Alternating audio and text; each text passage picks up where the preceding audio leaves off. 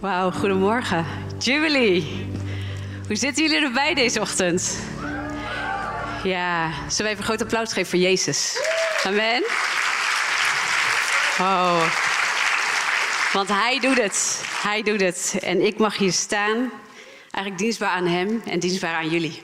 Om te delen wat God me heeft gegeven als een woord voor deze tijd, denk ik ook inderdaad, en voor dit huis. En uh, daar wil ik over delen met je. Ik heb heel veel dingen opgeschreven. Die poging doe ik vaker. Ik leer dat niet af. Want ik weet ook dat ik daar niet altijd goed aan toe kom. Bear with me, zeggen ze dan altijd. Nadine, dank je voor het woord. Het was zo mooi, want het sloot zo aan bij wat ik ontvangen heb in de afgelopen weken ook. Welke plek geven we God in ons leven? Welke plek geven we Jezus in ons leven? En als ik mag kijken naar wat ik wil delen met jullie. We zitten in ontzagwekkend, in het thema ontzagwekkend.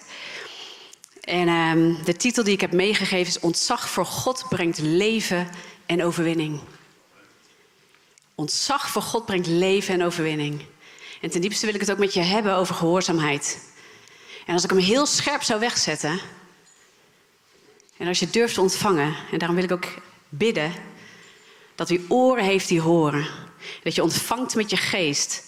Dat je vandaag je geest de oren openzet. Dat niet dat je natuurlijke mens, maar de geestelijke mens luistert en ontvangt het woord van God. Amen. Want daar waar ontzag en daar waar gehoorzaamheid leidt tot leven en overwinning, kan ongehoorzaamheid ons brengen in het afsterven van dingen. En daar wil ik het met je over hebben. En dat kan scherp zijn.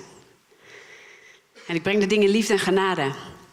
Maar ik denk dat we ook op een plek zijn gekomen waar we te lang genade hebben gebruikt als een excuus om dingen toe te blijven staan. Toe te blijven staan dat de duisternis tot ons spreekt en dat we dat aannemen als waarheid in ons leven. En het wordt tijd dat we opstaan, kerk. Het wordt tijd dat we in het leven van overwinning gaan stappen, wat Jezus werkelijk reeds al voor ons heeft behaald. En dat we gaan luisteren met onze geest en gaan zien met onze geest. Dat we werkelijk gaan herkennen wat Jezus in deze plaats en in deze, in deze wereld, maar in dit land, in onze regio aan het doen is. Zodat we gaan zien en ontmaskeren de plannen van de duisternis. Niet om daar continu mee bezig te zijn, want daar hoef je niet eens mee bezig te zijn. Als je oog is gericht op de Allerhoogste. En je geloof is geplaatst in Hem. Amen. Dus ik bid dat je geestmens wakker wordt vandaag als hij nog niet wakker is. Amen. Dat hij wordt aangevuurd en dat je in beweging komt. Dat je hoort met je geestelijke oren en dat je ziet met je geestelijke ogen. Dat je zult onderscheiden wat de geest van God tot je wil spreken vandaag. Want nogmaals, ik wil niet spreken tot je natuurlijke mens, want die neemt de dingen van de geest van God niet aan, zegt het woord. Want die zijn dwaasheid voor hem. Hij kan ze zelfs niet leren, niet begrijpen, zegt het woord. Dat is nogal wat. Ik geloof dat de kerk te lang, ook in Nederland, gepredikt heeft naar de ziel, naar de natuurlijke mens. Waardoor we in dingen zijn vast blijven zitten en niet zijn gekomen in de overwinning en niet op onze plek zijn gaan staan en ook daadwerkelijk Jezus niet de plek hebben gegeven die hem toekomt. Roepingen zijn gestorven, dromen zijn gestorven. En er zijn ook dingen in onszelf gestorven. En we kunnen niet meer opstaan. Schuld en schaamte klampen ons aan. En dat is de stem die ons gaat leiden. Niet de stem van God, de stem van schuld en schaamte. En we gaan liggen en je pakt je teleurstelling en dat wordt een leidraad in je leven. Maar kerk, ik roep vandaag, hoor mij, zegt God, sta op. Amen, ik wil tot leven wekken wat ik in je heb gelegd. Want ik heb een opdracht voor je. En het moet klaar zijn met dat wij geïntimideerd blijven door de duisternis en wat de wereld ons vertelt. En dat wij alleen nog vanuit die liefde, dat ons zag voor God, gaan doen voor Hem. Wat Hij ons toeroept. Amen. Amen. Gehoorzaamheid brengt leven en overwinning. Ontzag voor God brengt leven en overwinning. Ongehoorzaamheid laat dingen sterven.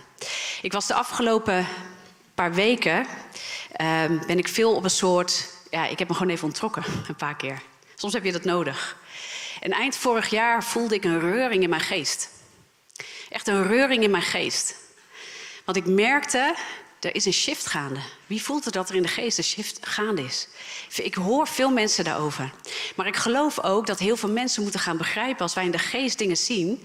dat, dat soms gaan we dingen voelen, ook in ons persoonlijk leven... en we nemen dat heel persoonlijk... maar het is eigenlijk een, een roep van God en een weerstand van de duisters die opstaat. En we moeten er doorheen... Zeker de profetische mensen onder ons. We gaan er doorheen. Niet omdat wij alleen ergens doorheen moeten, maar zodat we een stem van vrijheid kunnen worden in deze aarde. Want God wil een getuigenis gaan brengen in deze aarde als nooit tevoren. Nadine zei heel mooi, er komt een versnelling. En ik geloof dat ook double is. We zitten in de tweede maand van het jaar. En het nummer twee gaat over het getuigenis zijn. Dat, dat gaat, refereert vaak in de Bijbel naar getuigenissen. En naar double, naar versnelling of naar verdubbeling. En ook naar herstel. Want om daar te komen, moet je tot herstel komen. Moet je achterlaten wat de wereld, wat de duisternis heeft gebouwd in je leven. En aannemen en gaan voor het plan van God. Amen. En dat kom ik om te zeggen vandaag. En ik zat eh, begin februari, begin deze maand. Op 28 januari had ik een dienst bijgewoond. En het was bijzonder. Want het woord wat ik heel sterk ook heb, is Spring will come early. De lente komt vroeg. God begon dat te spreken tot mij. En niet alleen in mijn hart, maar ook echt door de natuur heen. En niet om te vergeestelijken. Weet je, niet dat je met elke vlinder denkt, een, een teken van de Heer. Maar ik had wel een vlinder en ik dacht ook wel een teken van de Heer. En ik ga even meenemen hoe dat zat. Ja, weet je, ik ben vrij nuchter, maar ik ben lekker geestelijk ook. En dat wordt alleen maar meer. Dus um, ik deel deze dingen graag met je om je ook te bemoedigen. Om daar ook de stem van God in te kunnen verstaan. En daarin te toetsen en daarmee, maar ook mee te spelen. Mee te gaan in dat wat God ons mee wil nemen in zijn vreugde. Om ons te laten zien wat hij aan het doen is in deze aarde. Amen. En ik was, um, ik zat ergens net boven, boven Limburg. Maar ik had een dienst gehad de 28 januari. En ik kwam thuis van de dienst en ik hoorde de vogels in de lucht. En ik rook het, de lente. En ik dacht, januari? Dat is wel heel vlot. Dat is echt heel snel. Maar God sprak in mijn hart. Lente komt vroeg. En de dag daarna vertrok ik om, om zo'n negen dagen gewoon even terug te trekken. Net boven Limburg in een huisje, heerlijk bij het bos. En um, ik was echt aan het, aan het ja, worstelen met God, zou ik kunnen zeggen, op bepaalde dingen. En aan het vragen en helemaal aan het zoeken wat Hij in deze tijd aan het doen is. Ook omdat ik die, die shift had zien komen. En eind december, dat doe ik vaak op de socials, eh, eh, ben ik veel dingen aan het delen en ik ben veel online. En de podcast, voor wie me kennen, die, eh, die weten dat verhaal wel. Maar ik doe veel online. En ik begon te spreken over wat echt een boodschap dat ik ervoer van God. Over Efeze, over ons klaarmaken. Want Efeze is een boek wat ons positioneert in onze identiteit en autoriteit met God. En dat eindigt eigenlijk met de wapenrusting. We worden bekleed en klaargemaakt om te staan met Hem in de dingen van Hem. Amen. Dus in Efeze ging ik in december en in januari heb ik echt de wapenrusting ook verdiept. En toen trok God eigenlijk mij een stukje terug. Even niet. De afgelopen twee weken ben ik ook niet zoveel online geweest. En het bijzondere was, toen ik in het huisje kwam, beseft, en dat besefte ik me later pas, maar het nummer van mijn huisje was 222. Nou ben ik niet zo van de nummers, daar ben ik nou nooit zoveel mee bezig, maar soms wil God door dingen spreken. Amen. We moeten dat niet verheerlijken, moet geen afgod worden, geen gek ding in ons leven. Maar, en ik was er ook niet mee bezig, maar goed, dat was het. En ik ging het bos in op 1 februari. Ik liep daar en, uh, en er zat, ik kwam op een gegeven moment langs een grote hoofdweg. En aan de overkant was nog veel meer bos. Maar drukke hoofdweg. En het was alsof God zei, ga nou even naar de, ga naar de overkant. Ga daar naartoe. En ik moest echt door greppels heen en weet ik het allemaal. En ik dacht, oké, okay. zo'n avontuur. Um, maar ik kwam aan de overkant van de weg en er kwam een soort stilte. En ik liep door het bos en er was allemaal blad en eh, weet je, dat verval van, nog van, van de winter. Maar de zon scheen. Ik, was op een, ik liep precies op een open plek en de zon scheen. En God zei het opnieuw. De lente komt vroeg. En ik keek om me heen en ik zag dat verval. En daar zie je dat niet in. Maar weer de vogels hoorde ik. Ik dacht, oh ja, dat is dat herkenbare. En ik draai me iets om en ik zie een vlinder. Hm. Ik denk, een vlinder? En ze komt naar me toe, Een mooie gele citroenvlinder. En ze fladdert wat. En ik ben dan net zo'n klein kind. Dan ga ik er achteraan. Want dan denk ik, oh wat leuk. En ik zou gerust gelijk de weg kwijtraken in het bos. Want ik was daar nog nooit geweest. Dus ik heb geen idee op zo'n moment. Maar ik denk, maak zo'n filmpje en zo. En ik vind het mooi. En ik zocht op waar de citroenvlinder... Weet je of het nou normaal is dat die in die tijd er is? En weet je wat, wat, wat ik achterkwam? Die citroenvlinder is de eerste vlinder die je ziet als de lente zich aankondigt. Wauw, dacht ik. En God zei, ik zei het je toch? Wauw, Heer. Hoe meer profetisch wil je het hebben? Als God begint te spreken door zijn eigen schepping heen, hè? Dat is mooi als hij dat wil doen. De tijd met je neemt om je daarin uit te dagen en mee te nemen en te spreken wat hij aan het doen is. Want als we naar de wereld kijken, zien we soms echt andere dingen, of niet dan? Ik kon ook naar het blad blijven kijken en denken: ja, het is nog hartstikke winter, koud en zo. Het is januari, dat is ook zo'n feit, hè? dus is het nog winter. Maar God sprak gewoon anders. Spring will come soon. De lente zal vroeg komen. En toen herinnerde God mij aan een tekst. Sorry voor het beamerteam, want ik heb al drie teksten overgeslagen. Volgens mij kom ik straks op. Ik wil even, ik weet niet of ik deze heb gedeeld trouwens zelfs. Joel 2, maar ik weet het niet zeker. Ja, Joel 2, vers 23 en 24. En God herinnerde me aan. Het gaat over de vroege en de late regen. Ik ga je vertellen waarom ik. Ik ga eerst meenemen die tekst. En u, kinderen van Sion, verheug u en wees blij in de Heer, uw God. Want hij zal u geven de leraar tot gerechtigheid. Die zal regen op u doen neerdalen. Vroege regen en late regen in de eerste maand. Prachtige tekst. De dorsvloeren zullen vol koren zijn. De perskuipen stromen over van nieuwe wijn en olie. De late regen is de regen in de lente. En de late regen doet het gewas opkomen, maakt het klaar voor de oogst. Lieve mensen, de oogst komt vroeg. Het is tijd. God vraagt je vandaag: Do you want to be my witness? Wil je een getuigenis zijn in deze aarde? Wil je getuigen van mijn goedheid en mijn grootheid? Sta ik op nummer één en ga je gehoorzamen het plan van mij over je leven, zodat de goedheid en het getuigenis van mij komt in deze wereld, in de plek waar ik je heb gesteld. De plek van invloed die ik je heb gegeven. Niet jij alleen, maar wij ook samen, ook hier als gemeente. Om een getuigenis te geven. Wil je mijn vertrouweling zijn? Ik wil tot je spreken. Wie oren heeft, die horen. Amen.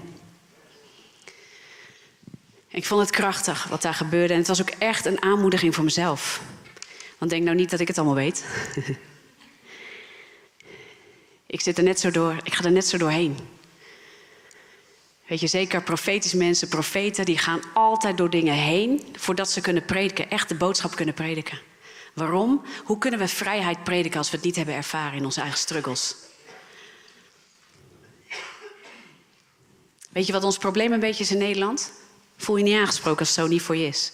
Maar we zijn een beetje verwend. We zitten in onze comfortzone. Maar wat doen we als het moeilijk wordt? We willen onze grote roeping van God horen. We willen weten hoe we daar succesvol in kunnen wandelen. Echt. De grote dromen. We willen het allemaal. Maar we kunnen het niet ontvangen als we niet bestendig worden tegen de duivel en tegen de weerstand uit de duisternis. Want die komt. En het is geen angstprediking, want wij zijn meer dan overwinnaar in Christus. Amen. Maar ik hoor heel veel over revival. Opwekking, het komt, het komt. En dat is mooi en dat willen we horen. Wonderen en tekenen zullen je volgen. En dat is mooi en dat willen we horen. En het is ook waar. Als we gaan met God in de gehoorzaamheid aan Hem, we hebben ontzag en we doen waar Hij ons toe roept. En we vallen en we staan weer op en we gaan. Hij doet die wonderen en tekenen. Het zal ons volgen als we Hem op de eerste plek zetten. Amen. Maar zijn we bereid om de prijs te betalen? Niet hier. Niet alleen hier als we het voelen, maar juist als we het niet meer voelen. Want als je op de grond ligt en als het echt zwaar wordt, Wat zeg je dan? En ik moet denken aan het verhaal van Elia. Wie kent het verhaal van Elia? Dat hij op de berg van Carmel grote overwinning heeft.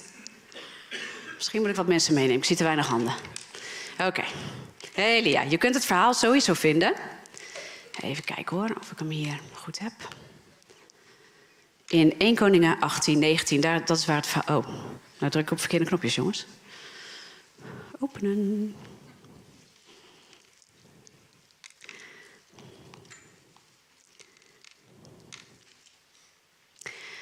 Je kunt het verhaal vinden in Koningen 18 en 1 Koningen 18, 19, daar waar ik met je naartoe wil.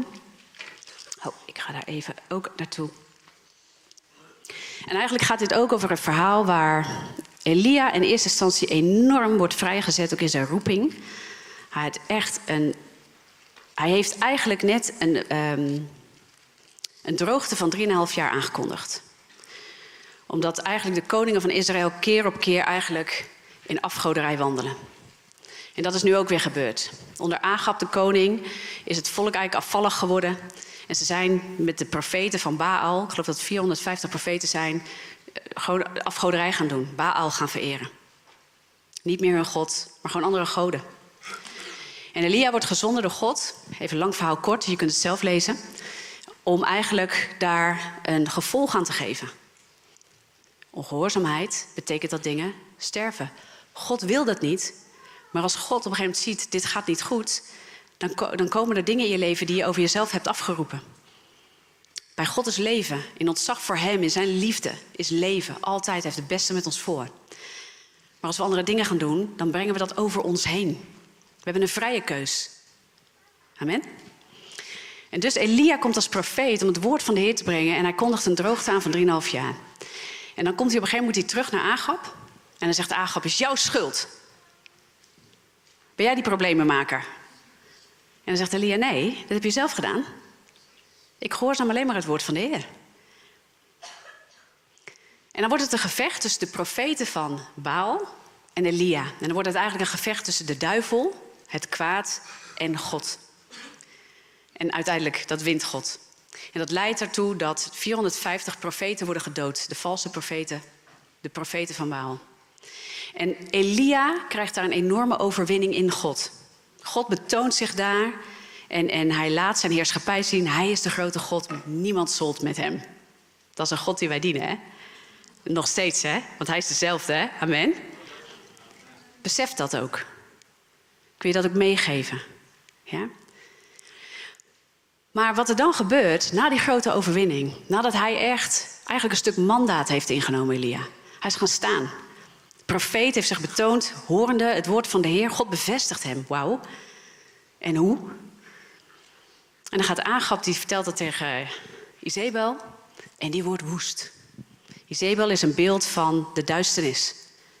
En Izebel is een beeld van verwoesting, vernietiging. Want wat doet zij? Zij dreigt om Alia te vermoorden. En hoeveel overwinning er ook is, en dat er net 450 profeten zijn gedood door dat wat Elia heeft gedaan en heeft overwonnen met God, wordt hij super bang en hij vlucht voor zijn leven. Door één vrouw. Met een grote mond. Maar er was iets waardoor hij werd geïntimideerd. Iets heeft hem in het binnenste geraakt. En dit is ook hoe wij hier naar kunnen kijken. Ik ook.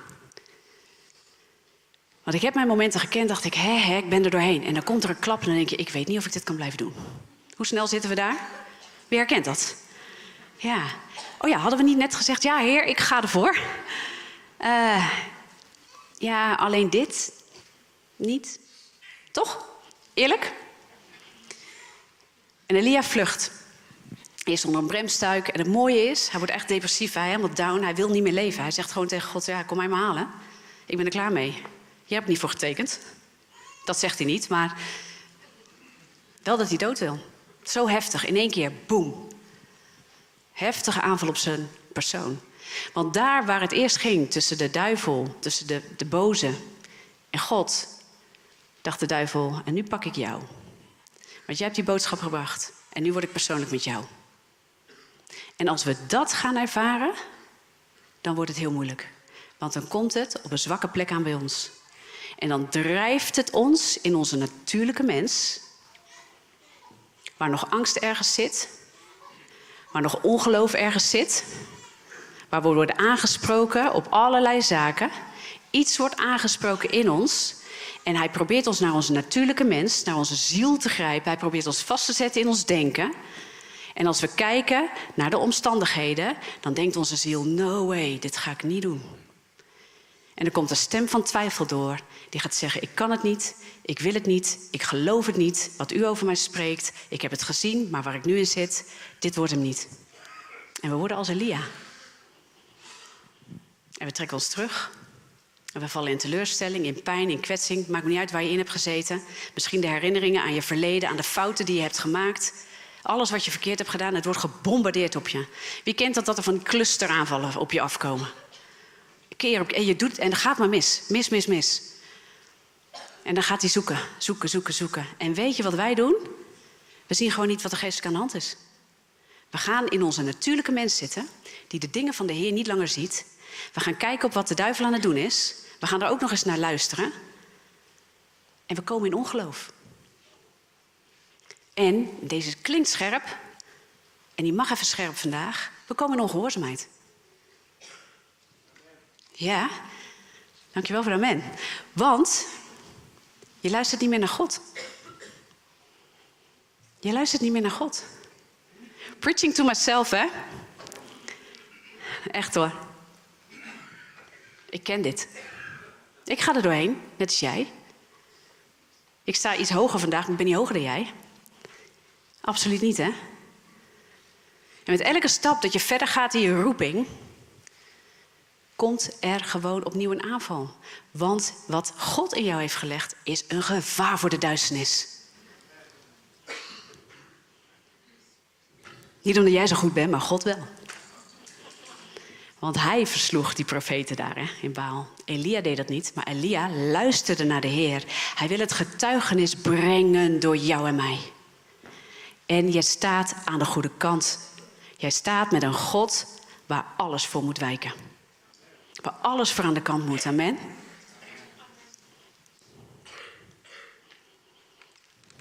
Je moet duivelbestendig worden.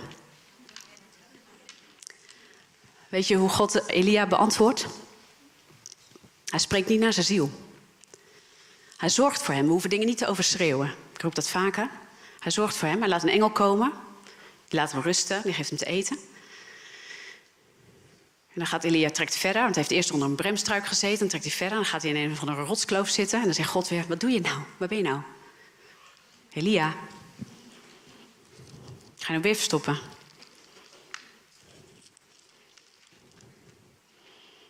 Wat doet u hier, Elia? Dat is wat God vraagt. Wat doet u hier? En dan uiteindelijk betoont God zich ook aan hem. Hij laat echt zien, ik ben er, Elia. Ik ben er gewoon. En bij mij is niks veranderd aan mijn kant. Kan jij wel denken? Jij wil naar een andere stem zijn gaan luisteren. En die stem is er. Maar ik ben er gewoon nog. En hij stimuleert Elia door hem te herinneren aan zijn opdracht en aan een nieuwe opdracht. Een grotere opdracht. Hij moet koningen gaan zalven. Hij moet Elisa gaan vinden, zijn opvolger. En wat krijgt Elisa uiteindelijk? A double portion. Een dubbel deel. God gaat groter spreken. Maar in deze strijd ligt de uitnodiging om geloof te laten opkomen in je hart. Weet je wat de gave van onderscheiding vaak doet? Wij denken dat we dan vooral allemaal demonen kunnen herkennen. Dat is heel handig als je bevrijdingspastoraten zo doet, een bevrijdingsbediening. Dan kun je de demonen eruit werpen. Maar het gaat nog over iets veel diepers bij jou en mij. Weet je waar dit ook over gaat? Over herkennen en onderscheiden waar jouw natuurlijke mens, jouw natuurlijke geest werkzaam is, of waar jouw geestelijke geest, jouw geestmens werkzaam is. Ja. Wij kerk, ik geloof dat dat echt een woord is voor nu. En ik pak dat erbij. We moeten echt gaan afrekenen met die leugens in ons denken. En de geesten van de dood en weet ik het allemaal die tegen ons blijven spreken. En onze natuurlijke mens neemt dat namelijk aan. Onze natuurlijke mens neemt altijd leugens aan, want onze natuurlijke mens heeft dingen opgebouwd, identiteit gebouwd in de dingen die niet uit God zijn. We zijn zo geneigd om daarin te trappen. En we moeten gaan opstaan om met onze geestelijke ogen te kijken. En het wordt tijd dat we gaan leren in onze geestmens te wandelen. En wat ik echt ontving is, het is een tijd voor herstel in deze maand. Heel specifiek ook nog steeds in deze maand. Het is een tijd om te gaan beseffen, ik ben geroepen om een getuige te zijn en dat God in dit land een getuigenis doen, wil doen met een versnelling. Met een versnelling. Met een verdubbeling. Hij wil dat doen. En het is tijd. Ik weet niet of je de roep hoort, maar het is tijd. Er is een urgentie.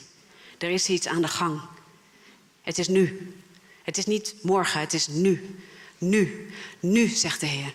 Weet je wat er in deze gemeente is en wat ik al een tijd zie? In deze gemeente. God is aan het roepen. God is aan het roepen. God is jou aan het roepen. Hij is roepingen aan het roepen. Hij is mantels aan het neerleggen.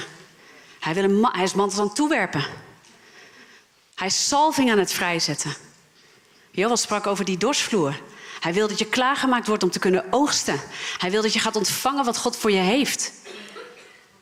En we staan hier wel als iemand een keer roept: Ben je bereid de prijs te betalen? Want we hebben in ons hoofd die gave dingen die we gaan doen. Die wordt gepredikt met revival. En die toffe dingen die we anderen zien doen. En we zien de beweging van God. Maar dan komt hij. Want de duivel zit niet stil. Jouw anointing, jouw zalving, dat wat God op je heeft gelegd, is een gevaar voor Hem. Voor Hem. Niet voor jou. Maar hij, doet het, hij draait het om, hè? Hij denkt, ik ga hard briesen. Ik ga hard brullen. Want dan denk jij dat jij in gevaar bent.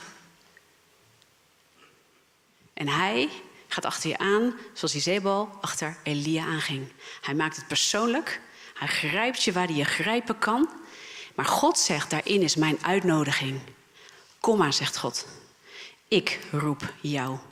En mijn opdracht blijft staan. Mijn opdracht is niet veranderd. Maar jij mag echt in geloof komen. Jij mag in de geest gaan zien en horen wat ik tot je spreek. Wie oren heeft, die horen. Het woord van de Heer. Amen.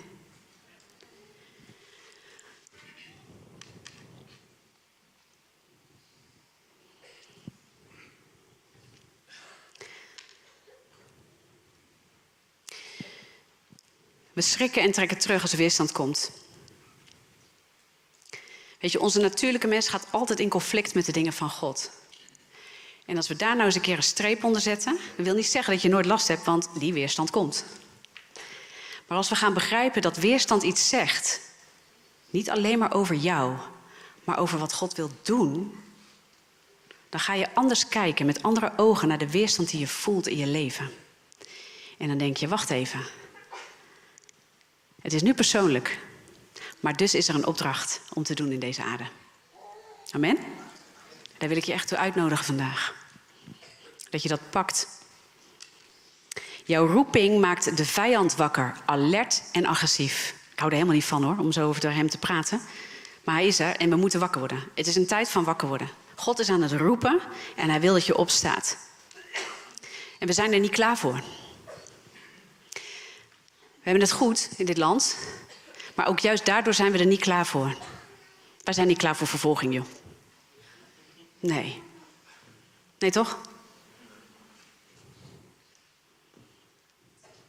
We zijn er gewoon niet klaar voor. Want we zijn er nog niet eens klaar voor als een depressieve stem naar ons komt. En ik durf het te zeggen, want ik heb daarmee geworsteld. Het is geen veroordeling, maar we moeten wakker worden. Deze stem is niet van jou. Deze stem komt uit de hel.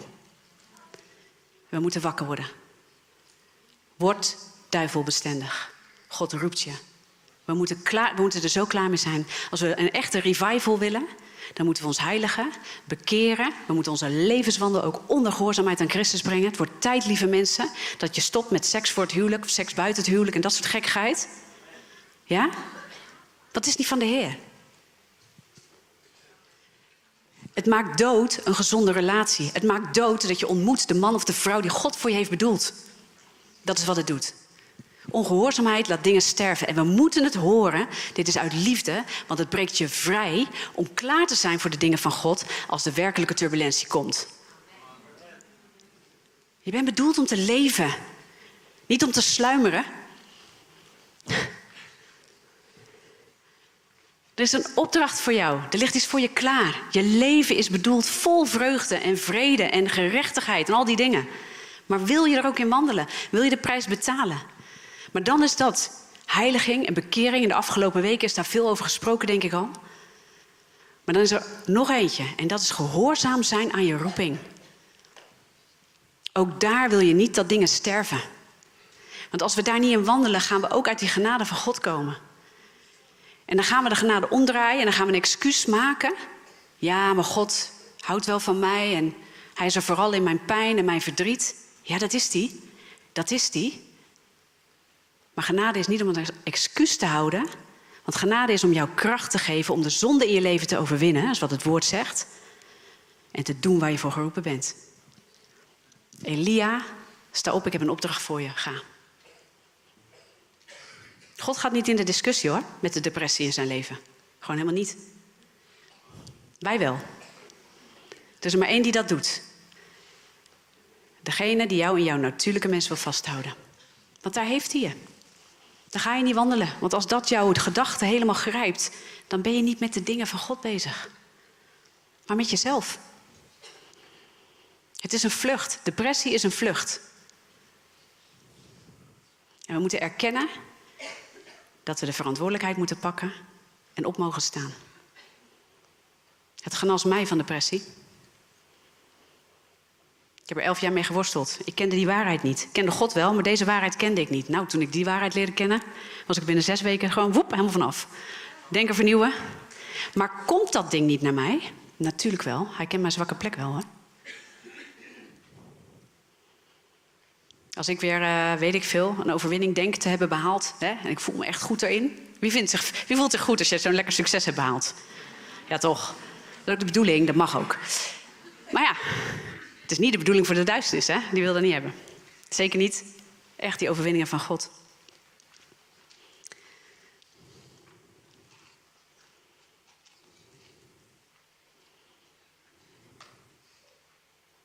Ik wil je met deze tekst bemoedigen uit Kronieken. 2 Kronieken 20, vers 20.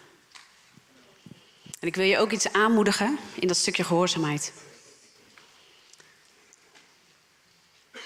De volgende morgen stonden zij op, vroeg op. En vertrokken naar de woestijn van Tekoa. Toen zij vertrokken bleef Jozef wat staan en zei... Luister naar mij, Juda, en u inwoners van Jeruzalem. Vertrouw op de Heer uw God, dan zult u stand houden even een stukje door. Ik kan hem niet lezen daar. Oh. Oh, hij is te groot. Ik ga het gewoon anders doen. Dan zult u stand houden. Vertrouw op zijn profeten. Dan zult u voorspoedig zijn. En dan twee versen verder staat er het volgende. Juist op de tijd dat zij met gejuich en lofzang begonnen, vers 22 is dat, legde de Heere hinderlagen tegen de Ammonieten, Moab en de bewoners van het Seergebergte die op Juda waren afgekomen en zij werden verslagen. Amen. God gaat voor je uit. God gaat voor je uit. Maar versta jij de stem van de Heer? We hebben zoveel excuses. Ook in diezelfde genade maken we excuses voor het niet lezen van, ons woord, van het woord van God. Voor niet die tijd nemen in aanbidding. Voor niet tijd nemen in gebed. Voor niet zoeken wat God aan het doen is. Oude of amen. En we doen het allemaal. Allemaal op ons eigen moment en tijd. Ons natuurlijke mens heeft altijd een excuus. Altijd. Ja, ik voel me nou niet echt uh, dat ik uh, wil aanbidden. Dat is je natuurlijke mens. Die moet je gewoon zijn mond snoeren. En zeggen, joh, maar mijn geestmens luistert niet naar jou. Jij luistert naar mijn geestmens. Jij moet onderworpen worden aan dat ding. Amen? We hebben te lang te ziels gepredikt. Ik denk ik zelf ook. Ik heb heel veel gewerkt met mensen. Ik ben heel lang therapeut geweest. En zeker als je net als ik empathisch bent, dan wil je heel graag mensen altijd verder brengen. Maar we komen soms in een please-gedrag. Auw. En we gehoorzamen God niet. En zelfs niet in het pleasen van de ander. Want weet je wat wij daar vaak in gaan doen? Moeten we echt voor waken? Dat wij de wil van de Vader voor de ander willen gaan doen.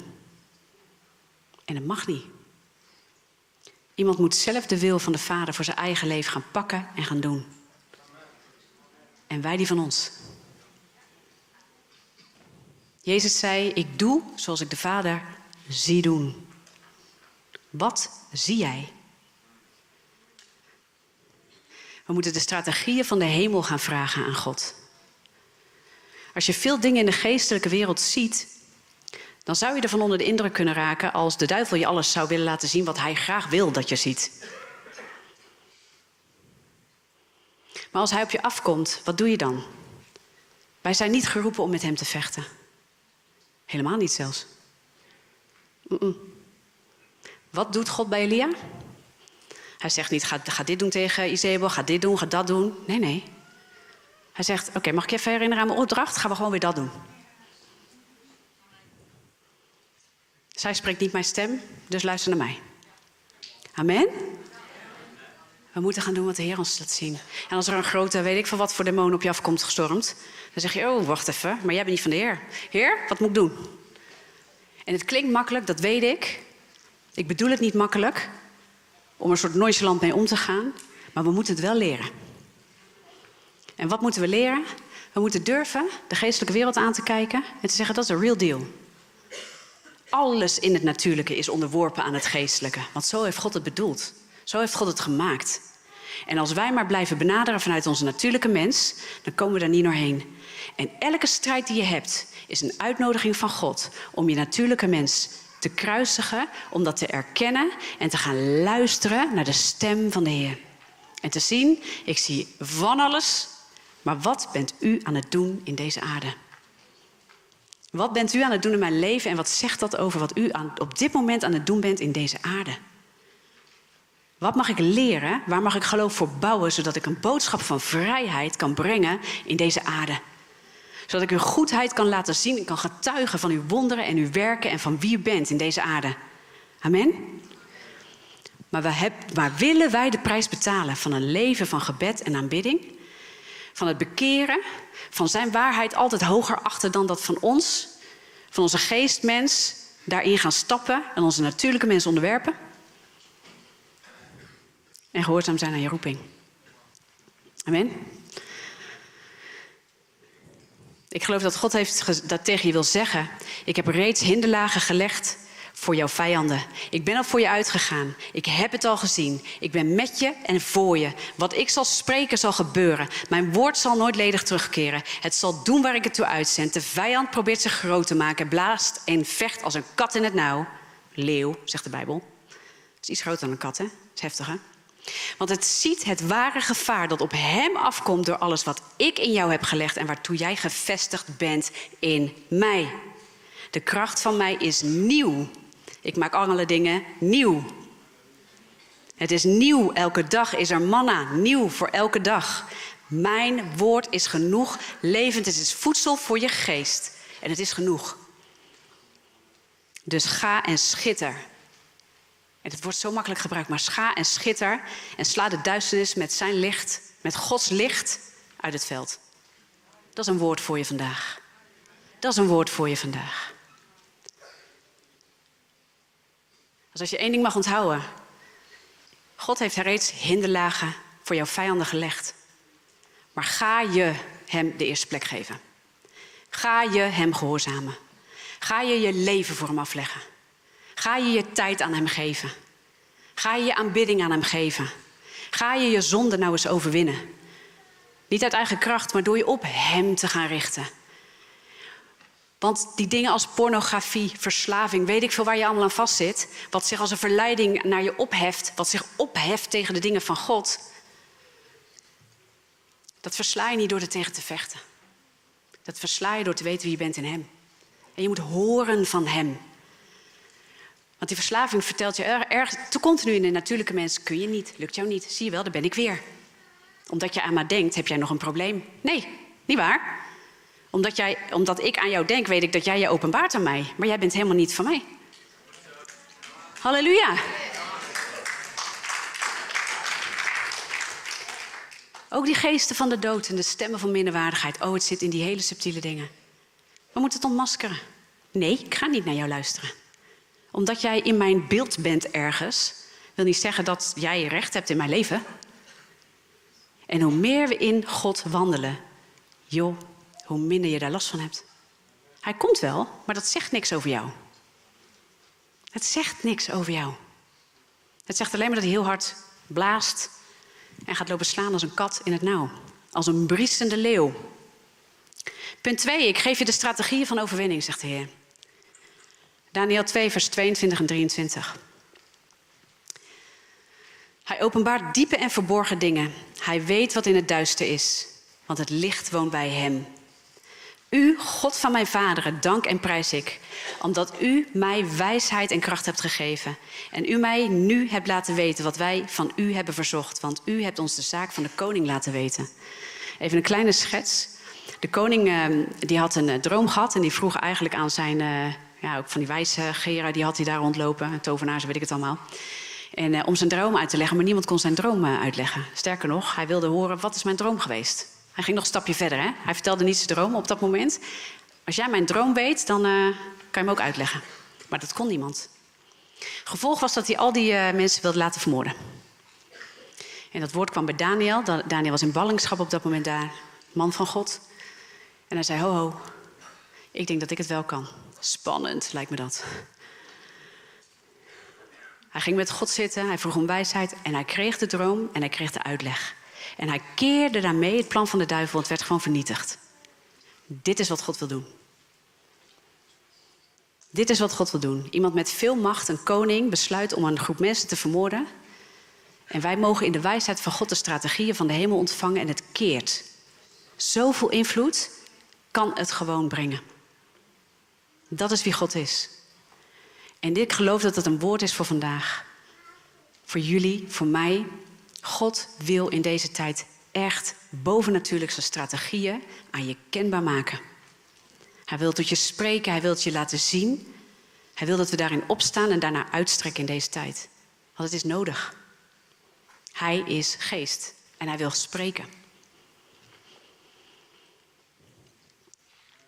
Amen. En we moeten duivelbestendig worden. Ik heb het al genoemd. We moeten echt duivelbestendig worden. We ondervinden heel veel strijd en moeilijkheden. En heel veel strijd die wij geestelijk noemen. En dan zijn we snel slachtoffer als we niet uitkijken. De duivel heeft het op mij voorzien. Ja, op iedereen. Want je bent mens en christen, dus heb je, je hebt gewoon, dat is gewoon standaard. Punt. Ja. En je kunt geen, geen zalving hebben en geen roeping hebben zonder dat je geen aanvallen krijgt. Maar dat willen wij wel heel graag, toch? Als je echt met God wandelt, wandel je altijd in de vrede en de vreugde van de Heer. Ga je vlindertjes achterna in het bos. Krijg je mooie profetische woorden, word je lekker bemoedigd, aangevuurd en opgebouwd. En dat is ontzettend waar, want dat is er gewoon ook. Het is en-en. Het is niet of-of. Het is en-en. Maar het komt dus ook. Wij mogen de strijd gaan zien als een uitnodiging van God om altijd te gaan geloven dat Hij groter is. En dat als je op een punt bent, beland, waar jij zegt: Ik kan niet meer, ik wil dood, dit lukt me niet, dan weet je dat je in je natuurlijke mens zit. En het is een openbaring nu voor mensen. En ik spreek het ook tot je als een openbaring. Want voor sommige mensen gaat dit een shift geven in hoe jij omgaat met strijd. Vanaf nu zal er een soort markering zijn en je gaat niet meer dezelfde zijn. Zoals Elia niet meer dezelfde was. Toen hij begreep, maar de Heer is nog steeds met mij. Zijn opdracht is niet veranderd. Hij is nooit meer onder die bremstruik gaan zitten.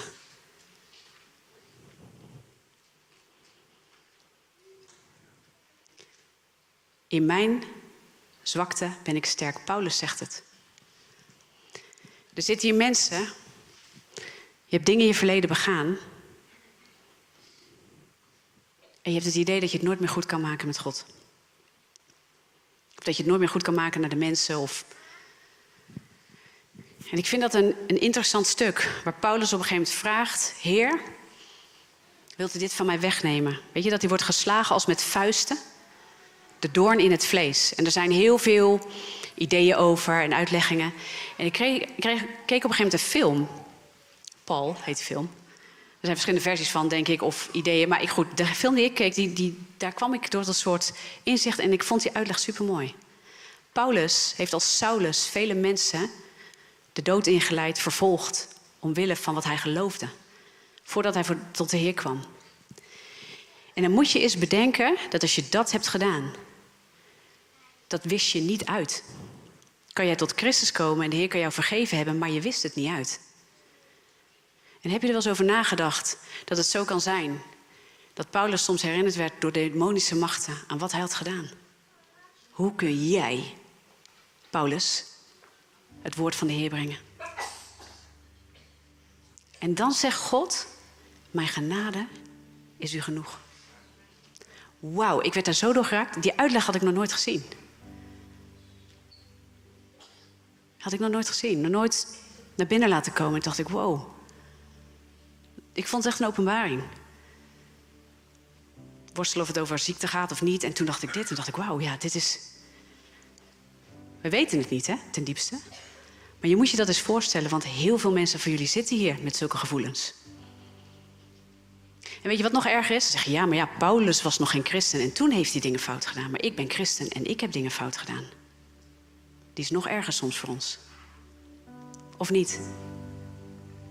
En ik geloof dat het vandaag de tijd is dat je dat achter je mag gaan laten. Dat je mag gaan aannemen. Mijn genade is u genoeg.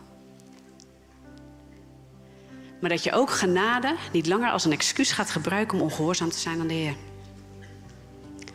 Niet in je persoonlijke leven, niet een stuk heiliging en bekering, maar ook niet naar de roep van God op je leven. Want het is tijd dat de kerk opstaat. We moeten ons klaarmaken. We moeten klaar gaan staan. Moeten onze wapenrusting aantrekken. We moeten die stemmen uit de duisternis, die lelijke demonen, die moeten gewoon even, zeg maar, een schop de andere kant op geven. Niet door zelf te gaan lopen schoppen en slaan. Nee. Door met de opdracht van God bezig te zijn. En als je weet wat Hij aan het doen is, dan weet je ook gewoon wat je achter je moet laten. Los moet laten. Geen aandacht aan moet besteden. In liefde voor de opdracht van God. Want ontzag voor God komt uit onze liefde voor Hem, niet uit angst. Niet uit angst.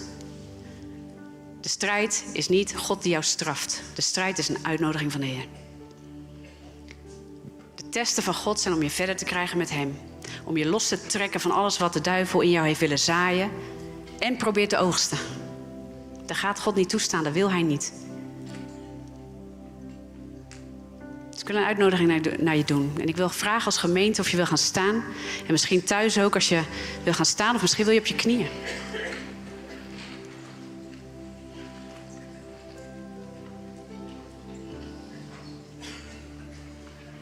En ik geloof dat God vandaag aan je vraagt: wil je de prijs betalen?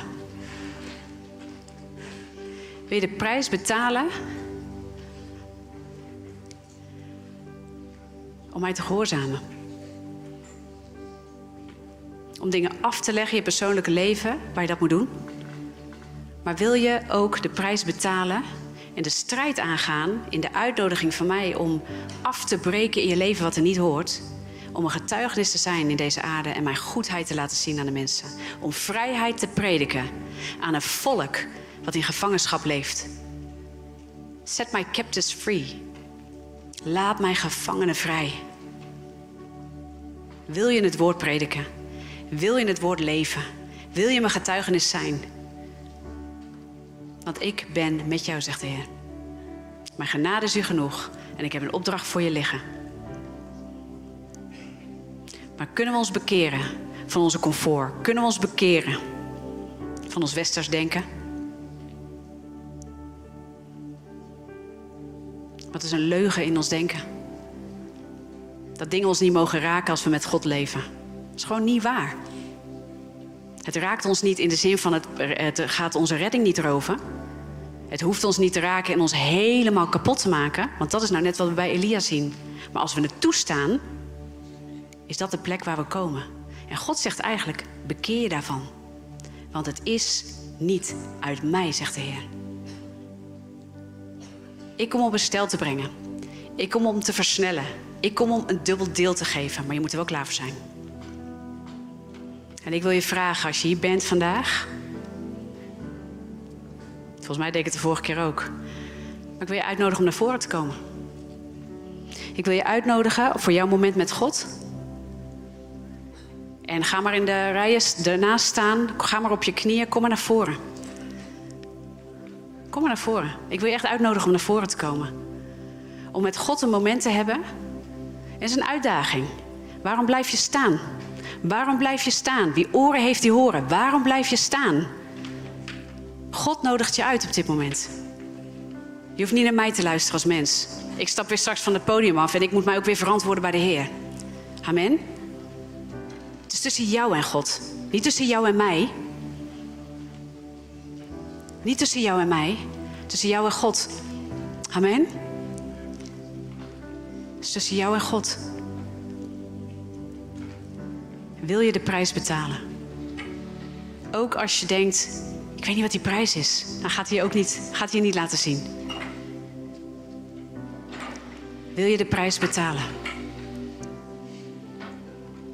Wil je afleggen?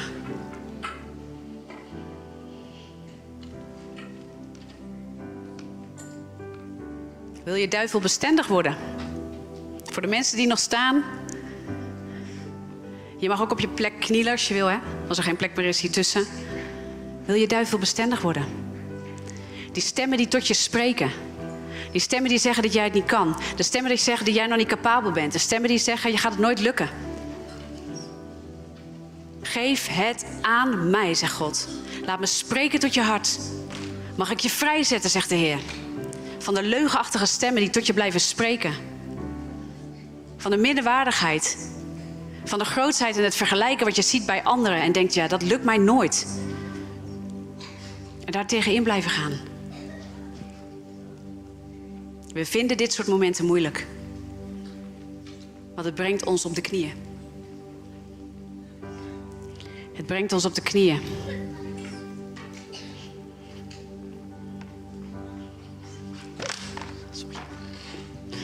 Het brengt ons op de knieën.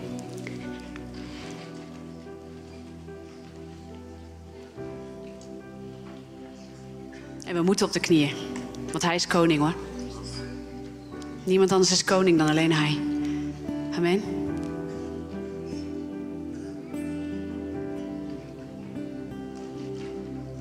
Gemeente, lichaam van Christus. Wie zeg je dat ik ben? Wie zeg je dat ik ben? Wie zeg je dat ik ben? Wie zeg jij dat ik ben? Mag ik dan zeggen wie jij bent? Mag ik zeggen wie jij bent? Dank u, Vader God, dat u komt. Dank u, Vader God, dat u spreekt. Dat u spreekt tot de gemeente, dat u spreekt tot een ieder persoonlijk. Dat u ons brengt aan uw hart, dat u ons brengt aan uw voeten.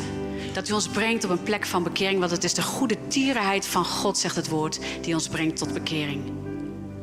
Hij heeft het goede met ons voor. Zijn goedheid spreekt en gaat van hem uit. Zijn goedheid brengt ons verder. Zijn goedheid maakt je vrij. Zijn goedheid, hij is de bevrijder. Hij is de geneesheer. Ziekte is ook zo'n ding waar we mee strijden. Ook zo'n ding wat ons wil kapot maken. Breng het voor God. Heer, ik strijd daarmee. Ik kom niet van dat ding af. Ik heb helemaal geen idee hoe ik daar meer geloof voor moet bouwen als dat het al is. Maar het zit me in de weg. Wees open met de Heer en laat de Heer spreken. Dank u, Vader God, dat we in een tijd komen waarin het voorbij gaat aan ons. Dat we in een tijd komen waarbij ons roept tot een hogere plaats. Om te doen in deze aarde, om te doen in dit land. Om te spreken namens u, om vrijheid te brengen, om handen op te leggen en wonderen en teken te zien. Niet omdat we dat nastreven, niet omdat dat een afgod is voor ons, maar omdat we van u houden, omdat we u volgen. Als wij u volgen, volgt dat ons. Halleluja. En ik zie over deze gemeente echt een toename aan wonderen en tekenen. Omdat we een toename hebben in die momenten van heiliging en aanbidding. Omdat we niet bang zijn onszelf neer te leggen voor de Allerhoogste en ons leven te geven. Omdat we voorbij gaan aan die plekken van strijd en met onszelf nog bezig zijn en kunnen zeggen: Heer, dank u wel wat u aan het doen bent.